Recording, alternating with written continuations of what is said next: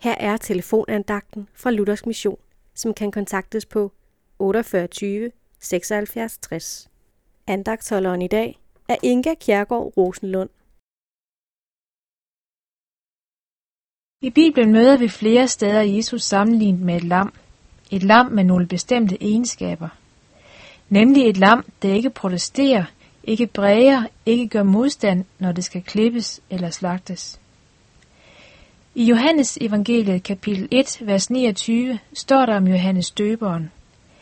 Næste dag så han Jesus komme hen imod ham og sagde, Se, der er Guds lam, som bærer verdens synd.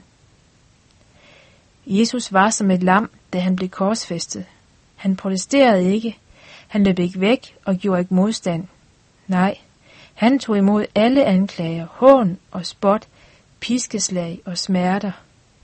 Alt sammen, uden selv at have fortjent det, men for min skyld, for din skyld. For alt det, jeg har gjort forkert, for alt det, hele verden har gjort forkert.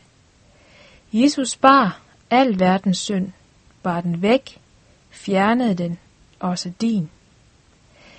Det blev vores redning, for Gud er en Gud, der ikke tåler synd. Men takket være, at Jesus var villig til at bære vores synd, er der redning for os.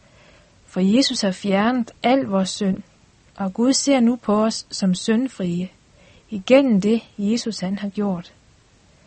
Og efter døden er der åbnet op for et nyt liv, et evigt liv i himlen, sammen med Jesus, hvor alt er godt. Hver dag må vi slå op i Johannes evangelie kapitel 1, vers 29 og læse dette vers, og hver dag gælder, at Jesus bærer verdens synd. Amen.